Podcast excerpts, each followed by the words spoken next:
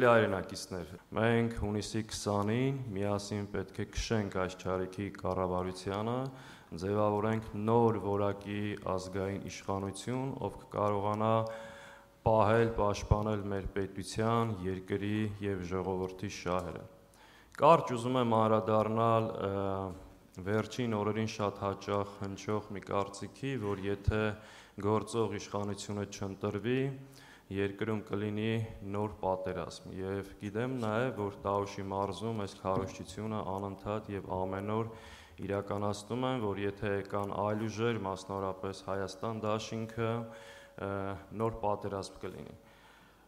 հարգելի հայրենակիցներ իրականում ամբողջությամբ հակառակն է տեղի ունենալու եթե այս պարտության սիմվոլը այս քաոսի անկայունության եւ անտերության մարմնացումը վերարտադրվի, այո, մեր երկիրը գնալու է նոր պատերազմի, նոր անկայունության։ Մենք ենք այն քաղաքական ուժը, այն դաշինքը, ով կարող է մեր երկրին բերել կայունություն, անվտանգություն, կազմակերպի մեր երկրի սահմանների պաշտպանությունը, մեր տնտեսությունը մենք ունենք այդ թիմը, ունենք այդ կամքը, ունենք այդ վճռականությունը, մենք գիտենք ինչ ծանր բերի տակ ենք մտնում, պատրաստ ենք այդ բերը ամբողջությամբ եւ պատվախնդիր կերպով տանել առաջ հանուն Արցախի, հանուն Հայաստանի, հանուն մեր պետականության։ Ուրեմն հունիսի 20-ին դեպի ուժեղ Հայաստան միասին քշենք այս ճարիքի կառավարությանը եւ կերտենք ուժեղ Հայաստան սիրելի ժողովուրդ, Իջևանը յուրահատուկ թիրախ է այսօր մեզ համար։ Կարծում եմ հասկանալի պատճառներով մենք Թավուշի մարզում եւ Իջևանում պետք է շեշտատի հաղթանակ կրենք։ Եվ մեր այստեղ ամբողջ հույսերը կապված են ձեր հետ։ Շատ վատ վիճակում է երկիրը Ես այդ շատ վատ վիճակից չեմ խոսում, ավելի շատ հուսահատ չանելու համար, բայց մի մի դրվակ պատմեմ, երբ ծրագիրը կազմել են եւ ինձ էլեկտրոնային ուղարկեցին ծրագիրը դաշինքի ծրագիրը որ նայեցի, ասում եմ, ինչ եք արել։ Դե ասում եմ ծրագիր են կազմել։ Այս հիմա այս պիտի մոն վառեն, որ մենք չընտրվենք։ Սարտակից ո՞նց ենք դուրս գա։ Բայց մյուս կողմից պիտի տակից դուրս գանք։ Կամ չպետք է մտնենք այս այս պայքարի մեջ։ Պետական կառավարումը չափազանց մեծ պատասխանատվություն է, եթե եթե դու պատասխանատու մարդ ես եւ sense կոպիտ ասա թասիբ ընկող մարդ ես, եթե բեռը վերցրել ես, բեռը պիտի տանես։ Եվ ասում են, եթե մարդ ինքը իրեն չի կառավարում, ոնց կարա երկիր կառավարի։ Հիմա այսօր մենք այդ վիճակը ունենք ըստ էության այսօր ունենք մի կառավարություն, որը իր իր օրվա նույնիսկ կազմակերպելու հարցերում չեն կարող։ Ունենք մարդիկ, որոնք իրենք իրենց չեն կարող կառավարել։ Ու մենք այդ մարդկանցից սպասում ենք, որ իրենք պետք է երկիր կառավարեն, իրենք ձեր հոգսերը պիտի լուծեն։ Ու այնպիսի པարս բաների մեջ գիտեք մեկ մեկ մեկ նայում ես ասում ես լավ, այս པարս հարցը չի չեք լուծում Մեկ-մեկ մտածում եմ, ասում եմ, ես հերախոսը վերցնեմ, ես զանգեմ այդ նախարարին, հանձնարարեմ, վազելով կլուծի։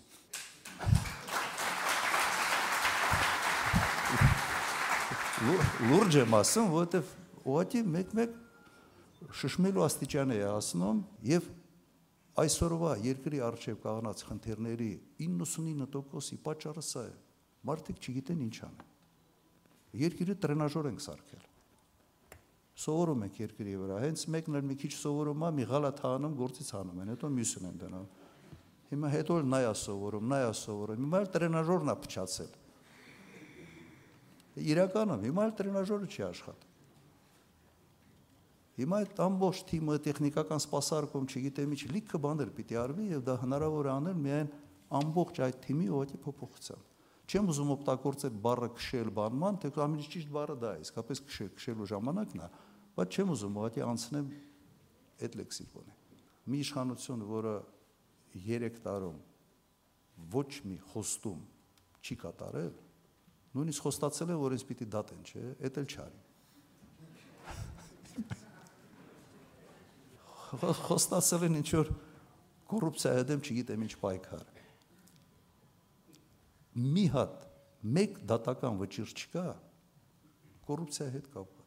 Օրինական ուժի մեջ մտած։ Ո՞նց չկա։ Այն որ օթից թվեր են ասում, բայց այսքան վերադարձրել են բյուջե, ոչ մի բյուջեի տոմ չկա։ Ընդհանրապես չկա, չի երևում։ Ես համոզված եմ, որ ինչ որ գումարներ հավաքել են։ Որտի վերաբախշվել այդ գումարը, էլ բյուջեի հետ կապ չունի, այն ինչ որ ինչի անունը եղել է կոռուպցիայի դեմ պայքար։ Իրենց լոզունգներից մեկը եղել է ներառական հասարակություն որ ինչ որ անենք ժողովրդի հաշվետու ենք լինելու, ագորան հավաքելու ենք հրաապարակում եւ այլ եւ այլ։ Եղավ ճիշտ հակառակը։ Ճակատագրական որոշումներ, փաստաթղթեր են ստորագրել եւ մենք այդ փաստաթղթերի մասին մենք ժողովուրդը վերջինն է իմանում որևէ մեկի հետ նույնիսկ սեփական թիմում քննարկում չի եղել ես նույնիսկ չեմ կարող դա անվանել քաղաքական թիմ այդպեսին գոյություն չունի որտեղ քաղաքական թիմում առնվազը մի քանի դեմք պետք է լինի քաղաքական, մի քանի մարդ, որոնք այս ասենց թիմի հայցեկարտն են։ Այսօր այդպեսի բան չունենք։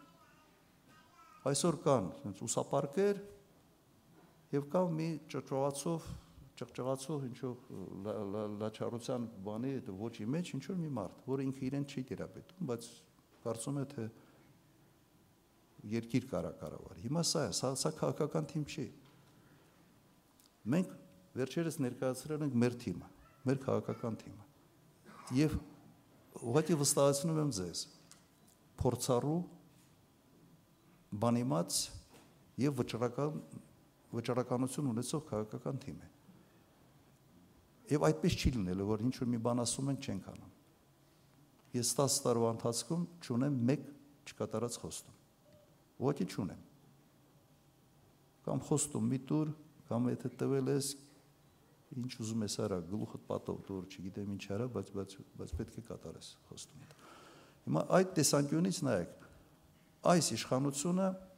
իրականում ասելիք չունի։ Պետք է սկսի հին ու նորին,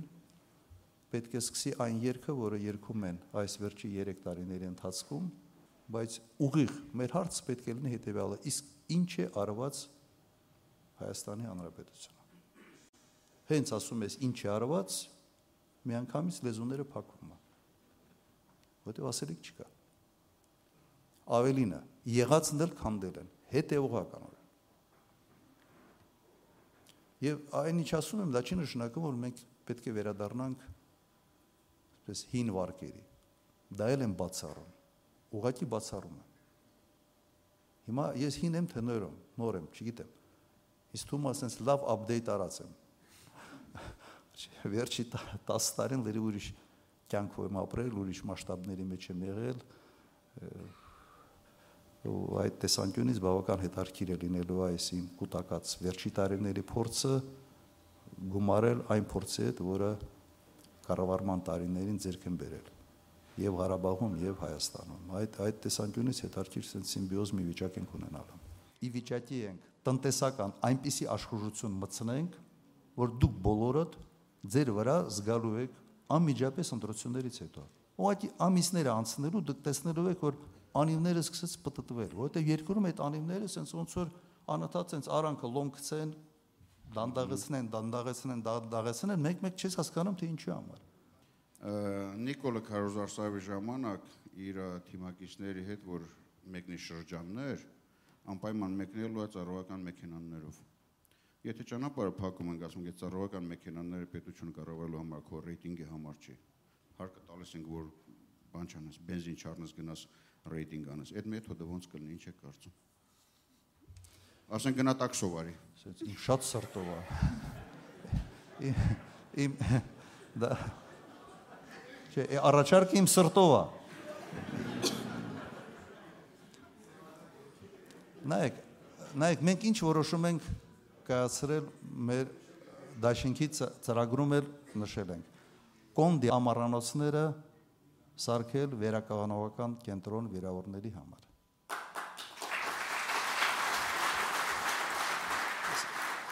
որևէ պաշտոնյա, որևէ արտոնություն, որևէ բան չպետք է ունենա։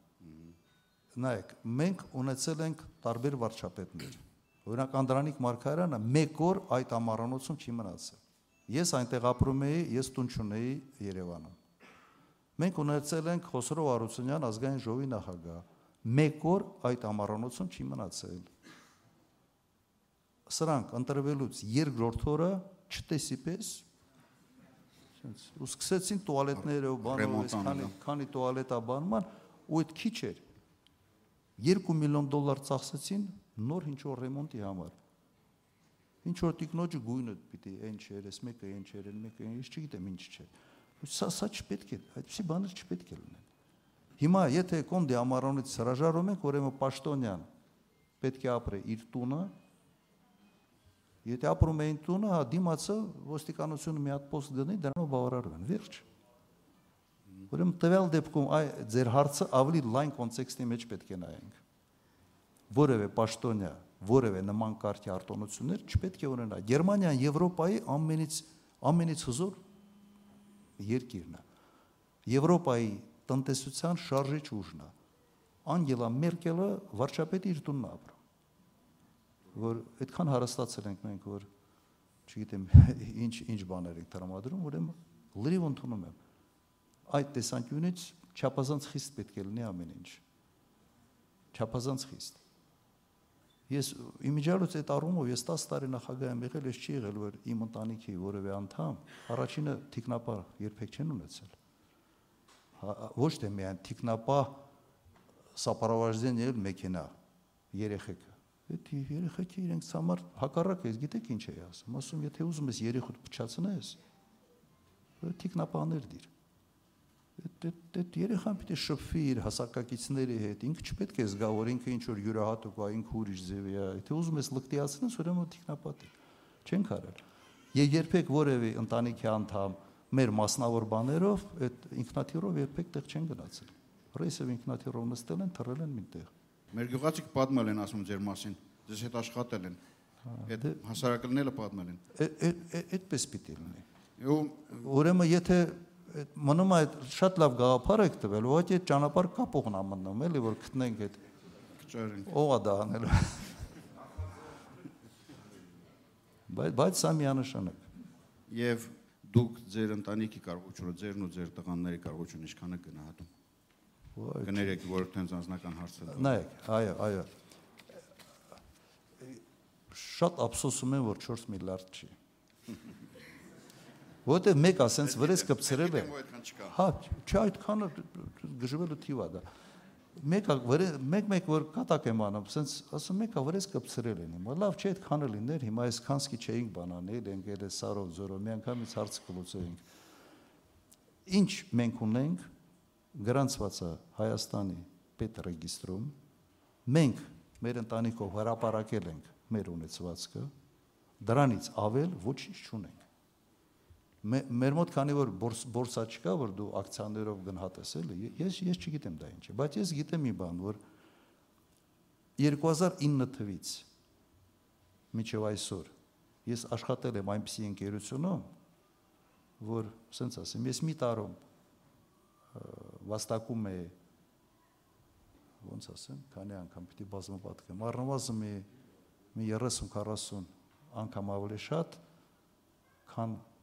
10 տարամ պաշտոնում նստելով, որ մոտավորապես պատկերացնեք։ 30-40 անգամ ավել մեկ տարում, քան 10 տարվա նախագահ լինելու 3-400 անգամ մի տարում։ Որ իմանաք, որ սա է եղել եւ ես այս ամենը Նաև այդ ամբողջ դատական գործընթացները, այդ ամենը թղթերով, բանով, սենց դրա համար չեն կարող ինձ վրա որևէ բան չկարողացա։ Որևէ բան ին վրա գտնել, կպցնել, ոչ չկարողացա։ Պարոն նախագահ, տեսեք, մենք անկախացանք, երկիր դարձանք, կռվեցինք, զոհեր տվեցինք, ընկերներ կորցրեցինք, բայց 30 27 տարի 30 տարի անց 10 միլիոն հայերի մեջ ամենա հիմար ամենապուշ մեկը վեր կացավ եկավ եւ ընկանք այսպիսի վիճակ։ Անվտանգության մեխանիզմները չաշխատեցին։ Երկիրը պարլամենտական չէր դեռևս։ Նախագահ կար, բայց անվտանգության փականները չաշխատեցին։ Ինչ պիտի անենք մենք, որպեսի մեկ ուրիշ անգամ, թեկուս երկար պերսպեկտիվայում, ասենք 30 տարի հետո կամ 20 տարի հետո, նման մի հիմարը իշխանության չգա։ Արդյոք բացի ազ բացի սա մի ուրիշ ասպեկտի մասին էլ խոսեմ։ Մենք ապրում ենք մի տարածաշրջանում, մեր շուրջը արևելյան բռնապետություններ են, որոնք այլ շնչառությամբ են շնչում։ Այսինքն 10 տարի, 15, 20 տարի իշխանության գլուխ նույն մարդիկ են կամ նույն կլաններն են։ Մենք դեմոկրատական 5 տարվա կամ 4 տարվա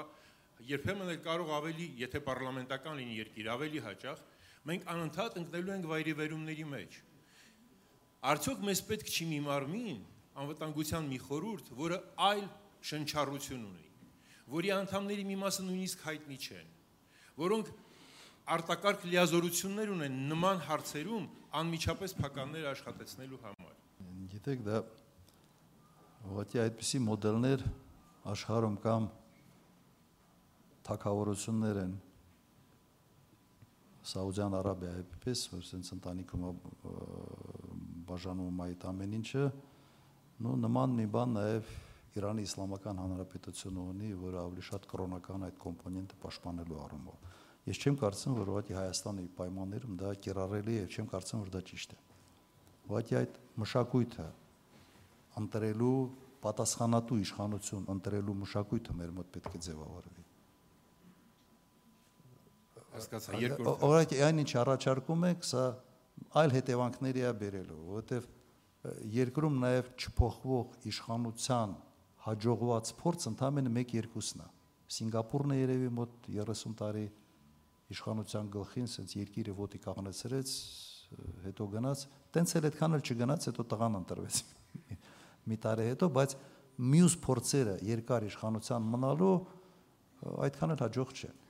այսպես ասենք։ Իսկ միգուցե նախագահական պիտի լինի, ասենք։ Հիմա ինչ վերաբերում է, հա, ինչ վերաբերում է երկրի կառավարման մոդելը, ես լիովին համաձայն եմ։ Խորհրդարանական մոդելը ճգնաժամերից դուրս գալու լուծումներ նորմալ չի առաջարկում։ Ու մեր մոտ ինչն է ամենից վատը մեր մոտ։ Մենք ընտրել ենք իբրև խորհրդարանական կառավարման մոդել, բայց վարչապետին տվել ենք այնքան լիազորություն, որ ոչ մի նախագահ Հայաստանում չի ունեցել երբեք։ Սա չես հասկանում ինչ մոդել է։ Իմ համար հասկանալի չէ թե ինչ մոդել է։ Օրինակ առաջ ես նախագահ էի, ես ոստիկանապետ նշանակելու համար պետք է վարչապետը առաջարկեր, դու նշանակես, բան կար, ինչ որ զսպող բաներ կար, որ դու ինչ որ մարդկանց հետ պետք է քննարկես։ Այսօր նման բան չկա։ Ուժային կառույցներում ոնց ուզում երբ ուզում փոխում են։ Մենք արդեն 4 թե 5 հատ անվտանգության ծառայության պետ ունենք, ԱՎԾ-ի պետ։ Բայց 3 տարում դա ին կառույց չէ։ Այդ կառույցը մեկին որ դնում ես, պետք է առնվազն մի 4-5 տարի ծառայի։ դե 4 անգամ 3 տարում մարդ ես փոխում այդ կառույցում, դու կառույցն ես ոչնչացնում ուղղակի։ Դրա համար տվյալ դեպքում այո մոդելի փոփոխություն մենք պետք է ունենանք։ Ես էլ եմ համոզված, որ պետք է ունենանք բայց մի ծայրահեղությունից մյուսը չընկնենք։ Մենք չասենք այս ժողովրդարությունը իրեն չարթարացնեն, գրանք մի հատ մենք սուլտանատ սարքենք կամ ինչ որ մեկ ալի թակավորություն։ Դա էլ լավ լուծում չի լինելու։ Վերջը իշխանությունը ժողովրդի արժե պետք է հաշվետու լինի միանշանակ, բայց այդ մոդելը պետք է այդ անգլերեն ասում են check and balance, այդ այդ զսպող որոշա այսօր իշխա վարշապետ իշխանությունը ոչ մեկը չի զսպում ոչ մի զսպող գործոն չկա։ Սամանական դատարանը փորձեց պայքարել, պայքարել, ցենց քիչ մնաց որ դատարանի հարցներ լուծեն, բայց սա նորմալ երևույթ չի, որովհետև մենք պետք է գնանք ուղղակի ողջամիտ բալանսավորված իշխանության։ Բայց ժողովրդին հաշվետու անկասկած։ Ստե ես ես ուղղակի չեմ համաձայնվի ձեր առաջարկի հետ կներեք։ Լավ։ Պարոն նախագահ, տեսեք, մենք դուք մի քանի անգամ կանգ եք առել Սփյուռքի մասին եք խոսել, հատկապես այն առումով, որ Սփյուռքը կարող է դրական դեր ունենալ, կարող է բացասական մանավանդ ճգնաժամային պայմաններում, երբ կապերի ցանցային ազգ լինելու պատճառով մենք սկսում ենք արտագաղթել եւ այլն, եւ դա շատ ճիշտ է։ Լավ էլ հետեւում եք ասածներից։ Հա, հետեւում եմ։ Հիմա տեսեք, մենք ունենք կազմակերպված Սփյուռք որոշ տեղերում, ունենք երկրներ, որտեղ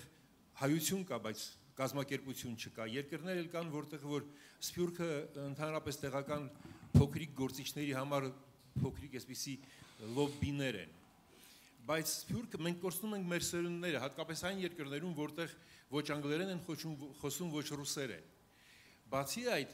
մենք այնպիսի աշխարհակաղակական վայրում ենք ապրում, որ մի օր կարող է մենք մեզ հետ մնանք, մեն մենակ։ Իսկ սփյուռքը կարող է մեր երաշխիքը լինել, ձայն բարձրացնելու, պայքար ծավալելու, տարբեր կենտրոններ ունենալու եւ արդյոք չի եկել ժամանակը, որ մենք մեր սփյուռքը բերենք, միավորենք եւ միավորենք ոչ միայն լոզուն, ոչ թե լոզունգների շուրջ միայն, այլ իրավական նորմերով, կարմիր գծերի չանցնելու հիմքով, այնպես որ նաև այստեղ մի խորհրդակցական մարմին ունենանք, որը կարող է մի օր ապագա Հայաստանում պարլամենտի միացյան դառնա եւ այլն։ Հետարքիր միտք է եւ վերջերս նման կարգի քննարկումներ ը, տարբեր մարդկանց հետ ունեցել եմ նաեւ նաեւ Սփյուռքից։ Հիմա պատկերացրեք Հայաստան առանց Սփյուռք եւ Հայաստան Սփյուռքով։ Չէ՞ տարբեր քաշային, տարբեր քաշային կատեգորիաներ են։ Հիմա մենք ամեն ինչ պետք է անենք, որ Սփյուռքը հնարավորին ավելի մոտ պահենք Հայաստանին։ Հայաստանի կենտրոնում։ Բավական բավական սխալ էր մոտեցումը առաջի համանadության մեջ ամրագրված, որ ընդհանրապես երկհակացություն արգելված էր, հիշում եք երևի, այդպես։ Ու այն ժամանակ դա մցվել է, ես կարծում եմ, առաջին նախագահ դաշնակցություն լարված հարաբերությունների պատճառով եւ ըստ էության այդ հարաբերությունները ֆունդամենտալ վատ ազդեցություն ունեցան այդ գործոնի վրա։ Ազնական հարաբերությունները չպետք է ուղղակի ինստիտուցիոնալ ինչ որ երևույթների վրա ազդեցություն ունենան։ Նրանից հետո մենք 2005 թվին արգել քանեցինք եւ այն ժամանակ այդ թեզը Հայաստանակենտրոն բոլոր կազմակերպությունների հետ փորձում ենք այդ Հայաստանակենտրոնությունը անել։ Օրինակ, առաջ տարեկան մեկ անգամ հայ բժիշկները հավաքվում էին ինչ որ միտեղ մի երկրում։ Բերեցինք ստեղ հայ ոսկերիչների միություն ստեղծեցինք միջազգային ստեղ համահայկական խաղեր դաշնակցության այն ժամանակ իրենց բյուրոյի հետ ես ուղղակի իշխանը երևի չգիտի շատ կտրուկ դրել է որ ձեր համագումարները տեղափոխեք Հայաստան ու համահայկական այն ժամանակ կոնչեցինք դա մենք համահայկական նախաձեռնություններ համահայկական սպորտային խաղեր մեկ ազգ մեկ մշակույթ մեր մասով էլ ասում ենք մենք էլ պատասխանատվություն ենք մեր վրա ստացնում լեզվի, հայոց լեզվի համար սփյուռքի օջախներով։ Մենք բերում էինք պետության հաշվին, կրթում էինք, վերապատրաստում էինք ուսուցիչներին հայոց լեզվի, հայոց պատմության եւ այլ եւ այլ, Այս ինչ որ փոխադարձ բան ենք անում։ Մենք շարգրգռված ենք, որ սպյուրքը մնա, սպյուրքը ավելի հզոր լինի, իրենք պետք է շարգրգռված լինեն Հայաստանի զարգացման։ Ուրեմն այս sense այդ այդ միասնությունը մենք ապահովում ենք։ Հետո դաթարեց ինչ որ բավական բաներ, sense թուլացան ավելի։ Ես ընդունում եմ ձեր գաղափարը, եթե կա տարբերակ այդ կապը ուժեղացնելու, որովհետև ինձ ասում են ինչ որ մի սենատի պես բան ստեղծենք, sense մի պալատի պես, որտեղ սփյուռքը ներկայացված կլինի։ Ուղղակի դրա մեխանիկան աշխատելու պետք է Ես կարող եմ ծրագիր ներկայացնել։ հետար ես կողմ եմ ասենց երկու ձերքով մեխանիզմ ստեղծել սպյուրքի ավելի ակտիվ ներգրավման համար Այս մարդը այս 3 տարիների ընթացքում նաև դա քանդեց։ Հիշում եք իր հայտնի հայտարարությունը, որ ասաց ես Սփյուռքի ոչ կառույցների, ոչ ավանդական կազմակերպությունների կարիքը չունեմ, ուղիղ կշփվեմ, կաշխատեմ Սփյուռքի հետ։ Այդ ինչ էր նշանակում, չէր հասկանում նաև ինչա Սփյուռքը։ իսկապես հիշում եք այդ հայտարարությունը որ սպյուրքի հետ շփմանը ես կառույցների կարիք չունեմ դու չես կարող սա հետ շփվել դա հենց մեր ամենից մեծ շահագրգռվածությունն է եղել որ սպյուրքը լինի կազմակերպված կարող են տարբեր կառույցներ լինել, տարբեր կուսակցություններ լինել, բայց կազմակերպված մենք չենք կարող գնալ սպյուրքի տեղ այնտեղ բաներ կազմակերպել։ Եվ ինչու է սա ուղղակի հիմա նորը կրկնեցի այդ միտքը ընդհանրապես ասած պոպուլիստի ոչն է դա ինքը նույն արեց Հայաստանում ինքը հավաքեց ժողովրդին հրաապարակում ասեց ես ուղիղ ձեր հետ եմ շփում ագորա է սա ես ինչ հարց լինի գալու եմ ձեր հետ քննարկել պոպուլիստի համար ընդհանրապես պետական ինստիտուտները ոնց որ խանգարող հանգամանք են իրենց թվում է թե խանգարող հանգամանք են իրենց ու ժողովրդի մեջ կապի արանքում կանգնած բայց յուրաքանչյուր պետություն ուժեղ է իր պետական ինստիտուտներով։ Եվ ամենից կայացած երկրներին, եթե մենք նայենք, ամենից ուժեղ պետական ինստիտուտները ունեն, ժամացույցի պես աշխատող, նույն գերմանացուց։ Գերմանիայում այդ ինստիտուտները ստեղծող Բիսմարկն էր, երբ որ պետությունը միավորեց, ինստիտուտները ստեղծվեց։ Ֆրանսիայում այդ ինստիտուտները ստեղծողը Նապոլեոնն էր։ Եվ ըստ էության այդ վերաբերմունքը պետական ինստիտուտների նկատմամբ իրենց քայքայումը սկսեց այն ժամանակ։ Պետականությունը հենց այդ ինստիտուտներով է կառուցվում։ Եթե դու նպատակաուղված այդ ինստիտուտների դերակատարությունը նվազեցնում ես, ասում ես դրանք ինձ պետք չեն դրանք ինձ խանգարում են։ Էյֆորիայի ժամանակ sense ողջևորությունը մի քիչ ուրիշ էր, այն չի սա պետք է ինստիտուտները։ Մշակույթը կրճատենք, գյուղը կրճատենք, այս կրճատենք, այն կրճատենք։ Ես մի հատ եթեր դուրս կգամ, sense iPhone-ով կդնեմ կիսահարփած վիճակում էլ ինչ որ մի քանի բան կասեմ, ժողովուրդը ինձ կլսի, կհիանայի։ Այս ինստիտուտները ինձ պետք չէ։ Նաև այդ ոչն էր, որ sense այդ ամբողջ ուսապարկերով հանրահավաք են անում, մի հոգի է խոսում։ Մնացածը ոնց որ դեկորացիա լինեն։ Այն Լենինի նկարը, որ առաջ բաների վրա կախում են, այդ այդ դե տենց չի լինում։ Եվ սա մեր մեր տունը սա քանդեց։ Հասկանում եք, հենց սա քանդեց, որ մարդիկ չէին հասկանում ինչ է պետությունը։ Որ պետությունը ուժեղ է իր բանակով, դա պետական ինստիտուտ է, իր ծառայություններով, իր սա է ուրիշ կառավարման մոդել ուղղակի աշխարհում չկա։ Հարգանքները ձեզ, պարոն Քոչարյան, ես 40-45 տարի է որ դες ճանաչում եմ եւ գիտեմ ինչ կամքի դեր մարդեք ուղղակի հարցս դիմեմ ձեզ Սյունիքի մասին ինչ է սպասում սահմանամերձ գյուղերին ինչ ստատուսներ է սպասում նրանց ինչպես պետք է պաշտպանենք նրանց գյուղը ինչպես են պաշտպանում կա բանակ եթե բանակը չկա Ուրեմն առաջերտին պետք է բանակը վերականգնենք։ Իմ համար ընդհանրապես անհասկանալի է թե ինչու ենք մենք հայտնվել այս վիճակում Սյունիքում։ Որովհետև երբ դեկտեմբերի 11-ն էր, եթե չեմ սխալվում, երկրորդ փաստաթուղթը ստորագրվեց եւ զորքերը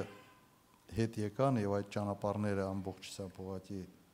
դարձան ցած անհասկանալի ինչ որ կարգավիճակով ճանապարհներ այդ հարցը ոչ մի տեղ չքննարկվեց։ Արտգործնախարարը հայտարարեց, որ ինքը դրա մասին չգիտեր։ Եվ պաշտպանության նախարարը ուղղակի հենց մենակ թուղթը ստորագրեց, ոչ վավերացում, ոչ մի բան։ Եվ բավական մեծ տարածքներից մենք հետ ենք քաշվել։ Ուղղակի ես չեմ կասկածում, որ հետ քաշվելու միջև այդ թուղթը ստորագրելը կարելի էր հանգիստ բանակցել եւ այնպիսի դիրքեր զբաղեցնել, որոնք հնարավորություն կտան ողջության վերահսկել այդ ճանապարհը եւ այդ գյուղերը։ Եվ կարող էին ասել հետեւյալը, որ մենք հա լավ, հիմա դեմ չենք դրան, բայց մեզ օրինակ 2 տարի պետք է այս ճանապարհը նոր ճանապարհ կառուցելու համար։ Ուղղակի սա սա սա անպատասխանատու, չգիտեմ էլի, անուն նորմատիվ լեքսիկայի մեջ ես չեմ կարող ուղղակի արտահայտել այն ինչ մտածում եմ այդ այդ մարդկանց մասին եւ ստեղծել են այս վիճակը։ Հիմա անընդհատ պետք է մեքենայով գնացող եղող ադրբեջանական դրոշը, ադրբեջանական պոստի մոտով գնագա, ըստ էության մենք ընդունել ենք, որ դա իրենց տարածքն է եւ քեզ կարող են ամեն պահին բռնել, տանել եւ գերեվարել։ Հիմա լուծումը ինչպեսին է։ Առաջինը լուծումը պետք է շատ արագ բանակի պայմանագրային հատվածը մեծացնել շատ արագ պետք է նաև ծախսերը մեծացնել, պետք է հնարավորություն տալ դիրքավորվել, բավարար խտություն ապահովել, ներկայությունը բանակին այնտեղ զսպող հանգամանք է լինելու եւ եւ ուղղակի ուրիշ ձև չկա պաշտպանելու։ Տիրանի տված հարցազրույցում ողջվում է, որ դիմել են զուն մաքրելու համար, դիմել են պոստեր դնելու համար, դիմել են տեխնիկա ինչ որ որոշ չափով դիրքավորվելու համար եւ այս կառավարությունը ոչինչ չի տվել։ Չի արել։ Ոչինչ չի տվել։ Հիմա սա անուն լավ ինչ դնենք հատուկ են անում, թե ուղղակի անճարությունից է, թե ուղղակի ես չգիտեմ։ Միակ ճանապարհը սա է։ Արագ բանակի վերականգնում, դիրքավորել եւ ցույց տալ, որ այդ պատերազմի շոկից դուրս ես եկել։ Որ չի կարող ուղղակի գա քեզ ապտակի, ասի աճ գնա, ցախ գնա։ Ու արժանապատիվ խաղաղությունը տեղալ են։ Հակառակ դեպքում անընդհատ ծնգի վրա կաղնած մի վիճակում ես տենելու։ Ով գա մոտով տանցնի քացով տալով ամեն անգամ։ Տեսեք, այս իրենք սկսել են իրենց հրեշավոր ծրագրի հաջորդ փուլը։ Փորձում են այն տարածքները, նաև այսօր Հայաստանի ինքնիշխան տարածքի, որոնք հանձնում են, փորձում են հիմնավորել, որ դրանք ադրբեջանական են եղել։ Մի հոգի էլ այս տարածքից ընտրված падգամավոր ունե, որ մի քանի օր առաջ փորձում էր հիմնավորել, որ այո, Տաուշի մարզում կան մի քանի ադրբեջանական գյուղեր, որոնք ամայի են, մեզ պետք չեն եւ այլ։ Այսինքն այս հրեշավոր ծրագիրը այս մարտիկ այս պայմաններում շարունակում են։ Փորձում են անընդհատ մեր ժողովրդին եւ հասարակությանը հիմնավորել, բացատրել, ասել այն ինչ որ տալիս ենք, դրանք ադրբեջանական են եղել, թուրքական են եղել, դուք պարզապես չգիտեիք։ Այսինքն այս ամեն ինչը, այս մղձավանջը կանխելու միակ միջոցը եւ հնարավորությունը հունիսի 20-ն է։ Մյուս հայտարարությունը դե տարին 6 ամիս ձունա։ Պահում ենք, ինչ անենք, էլ են դե զինվոր ենք պահում, ինչ անենք։ Հիմա Ռուսաստանի տարածքի կեսը 6 ամիս ձուն առնեմ, 1/3-ն էլ 9 ամիսա ձուն լինեմ։ Հիմա սա հազնեն, ում հազնեն, ինչ որ հա էստի համեցեք անեն, ինչ որ հողերը բաժանեն։ Լավ, այդ այդ աստիճանի հիմարություն դուրս տալը երկրի պաշտոնյաների կողմից կամ էլ այս վերջի բանը տնից դուրս գալն էլ անվտանգ չի, տունը մնալն էլ անվտանգ չի, տենց ինչ որ մի բաներ, չէ, ինչ որ մի sense մի մի մեմա դարել ինչ որ ցանցերում բան կարաս դուրս գաս արևահարվես, կարաս դուրս գաս մեքենայի տակ, այս ինչ-որ մի խոսք երկրի անվտանգության մասին։ Օրեկան փողոցները մարդեն արդեն բանանում խփում։ Էջմիածին Երևանի կենտրոնում բանման Իհարկե, եթե առաջի դեմքը համարը որ կարաս անվտանգ չի, ոչ մի բան, այս կյանքում անվտանգ չի, սա նորմա է դարել մեզ համար։ Մեզ մեր ժողովրդին համոզում են, դու դրա դրա կոդը նայեք, ինչի համար է դա ասվում։ Մեր ժողովրդին համոզում են, որ կյանքը ընդհանրապես անվտանգ չի լինում, որ ամեն քալափոխին մեզ վտանգ է սպասում։ Շուրնուխում վտանգ է սպասում այդ այդ գյուղացիներին Երևանի փողոցում ինչ որ մաֆիոս խմբերից, այն միտեղից մի ինչ հանցագործությունից, միտեղից վթարներից, վթարների ռեկորդային թվով մարդ է մահացել վթարներից զոհվել։ Հիմա մարդկանց մոտ ներեն մտցնում ինչ որ մի միտք որ կյանք անվտանգ չի վաղն էլ մի ուրիշ տեղել մեկին կխփել մի ուրիշ տեղ մի ուրիշ բան կպատահի նորմալ է լսա այն բան նոր նորմա ու սա սա անում են երկրի պաշտոնյաներ առաջի դեպք դու գնացեք քվարկեք եթե ուզում եք նման երկրում ապրել որտեղ կարա տունն էլա վտանգավոր, տնից դուրսն էլա վտանգավոր, փողոցն էլա վտանգավոր, ամենտեղ վտանգավոր, գնացեք քվարկեք։ Ու ինչ ասեմ։ Պարոն նախագահ, նախ ուզում եմ բոլորիս հիշեցնել, որ մնաց 17 օր եւ հարցս սրանից 30 տարի առաջ Աստված մեզ հնարավորություն տվեց ազատ, անկախ սոցիալական պետություն կառուցելու։ Այս 30 տարիների ընթացքում ունեցանք 3 նախագահ եւ 1 կապիտոլյանտ վարչապետ եւ 30 տարի որոշակի հաջողություններ, որոշակի վայրի վերումներ ունենալուց հետո մենք արձանագրում ենք հետեւյալ փաստը, որ այս պահին ունենք բարոյալքված ժողովուրդ, ունենք փլուզված տնտեսություն, ունենք ոչ այնքան ուժեղ բանակ, ունենք Ղարաբաղյան հարցի նույն 90-ականների վիճակ եւ ունենք այն ինչ որ ունենք այս պահին Եվ փաստա նաև, որ առաջիկա ընտրություններին հայտ են ներկայացրել բոլոր մեր երեք նախագահները եւ կապիտոլյանտ վարչապետը։ Ну, հանրապետականը կուսակցության անունից Սերժ Սարգսյանը։ Հարց ձեզ, պարոն նախագահ, ինչ է ձեզ համար իշխանությունը ընդհանրապես։ Ումից է տրվում այդ իշխանությունը իշխանավորին, ում է ինքը պատասխանատու Եվ ինչն է պատճառը, որ երկրորդ անգամ կամենում եք գալ իշխանության։ Շնորհակալություն։ Երկրորդ անգամը թե երրորդ։ Ղարաբաղն էլ հետը արդեն է երրորդը, երրորդ արինելա։ Վատ վիճակներում ես շատ լավ եմ աշխատում։ Ցաներ վիճակներում, չգիտեմ, ասում են sense crisis management-ի բան ունեմ, երևի ինչ որ ամեն մեկը բնացին ինչ որ մի մի, մի բան ունի, եւ փորձ ունեմ բավական մեծ կուտակված։ Եվ ասեմ, որ ես չեմ տեսնում որևէ մեկին, որ այս վիճակում միգուցե ավելի լավ անի այն, ինչ որ պետք է անել։ Եվ այս պայքարի մեջ չմտնելը ուղղակի կլիներ իմ համար կամ վախկոտության դրսևորում կամ դասալեկություն եմ ես սովորաբար սրան ասում։ Նպատակը սա է։ Ուրիշ նպատակ շատ ավելի լավ կլներ եւ ճիշտ կլներ, որ այս ոչ թե հիմա լիներ ընտրությունը, լիներ 1 տարի հետո եւ այդ 17-ի շարժումը երբ որ սկսվեց, գոնե 1 տարի ավելի հանգիստ վիճակում, ինչ որ ժամանակավոր վարչապետ, հետո հանգիստ վիճակում ընտրություններ, բայց ուղղակի չստացվեց, չեղավ, հիմա այս ճանապարհով են գնում։ Գալիս եմ ոնց որ երկու անգամ արել եմ։ Մեկ անգամ Ղարաբաղում 92 թիվ օգոստոս ուղիղ 50% օկուպացիայի տակ էր այն ժամանակ ես ին վրա վերցրեցի պատասխանատվությունը ստազնեցի պետական պաշտպանության կոմիտեի նախագահի պաշտոնը եւ 1.5-2 տարի հետո մենք ունեցանք լրիվ այլ վիճակ Լեռնային Ղարաբաղի հանրապետություն եւ կրկնակի ավելի տարած, քան ինքը Լեռնային Ղարաբաղի ասես ինքնավար մարզը ուներ Երկրորդ անգամ ինձ հրավիրել են Հայաստան 97 թվականին վարչապետ։ Եթե հիշում եք այդ տարիները, եթե հիշում եք, ուղղակի շատ վատ վիճակ էր, չափազանց վատ։ Ու ես ուղղակի համաձայնվել եմ, եկել եմ, չգիտեի թե ինչ եմ անելու, բայց գիտեի, որ պիտի բան փոխեմ, փոխել եմ։ Իրականում փոխել եմ, որովհետև Եթե 300 միլիոնանոց բյուջեն դառնում է 2.5 միլիարդ 10 տարում, աշխարհում այդպիսի աճ ունեցել են այդ տարիներին 5 երկիր, որից մեկը Հայաստանն էր, 200 երկրից։ Հիմա բավարար էներգիա, բավարար ուժ իմ մեջ տեսնում եմ անել սա եւս մեկ անգամ։ Հիմա ես ինձ առաջարկել եմ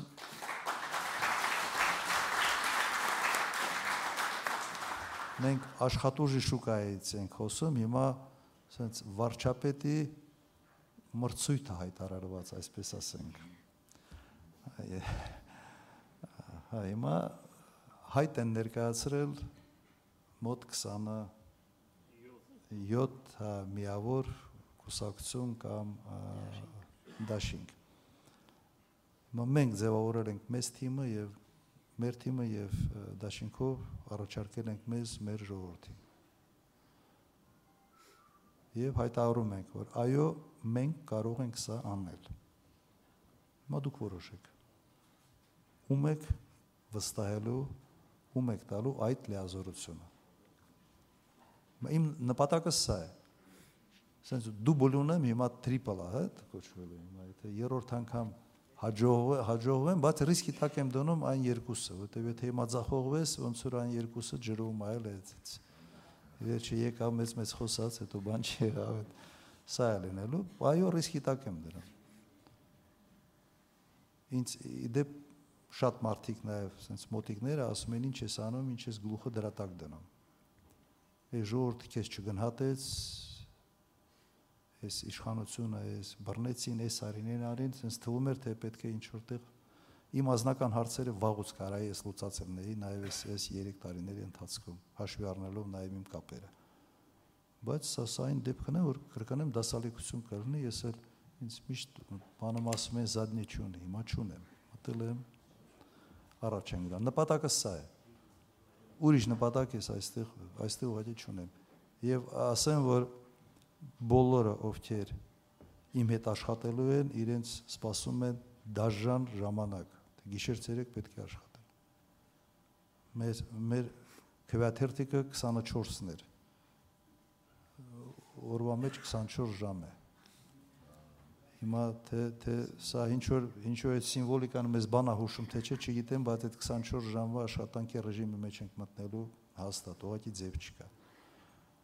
ու ու ու ձև չկա արդյունք չտալու։ Եթե մտել եմ մի բանի մեջ, ուրեմն հաստատ հաստատ լավ է լինելու։ Սիրում եմ։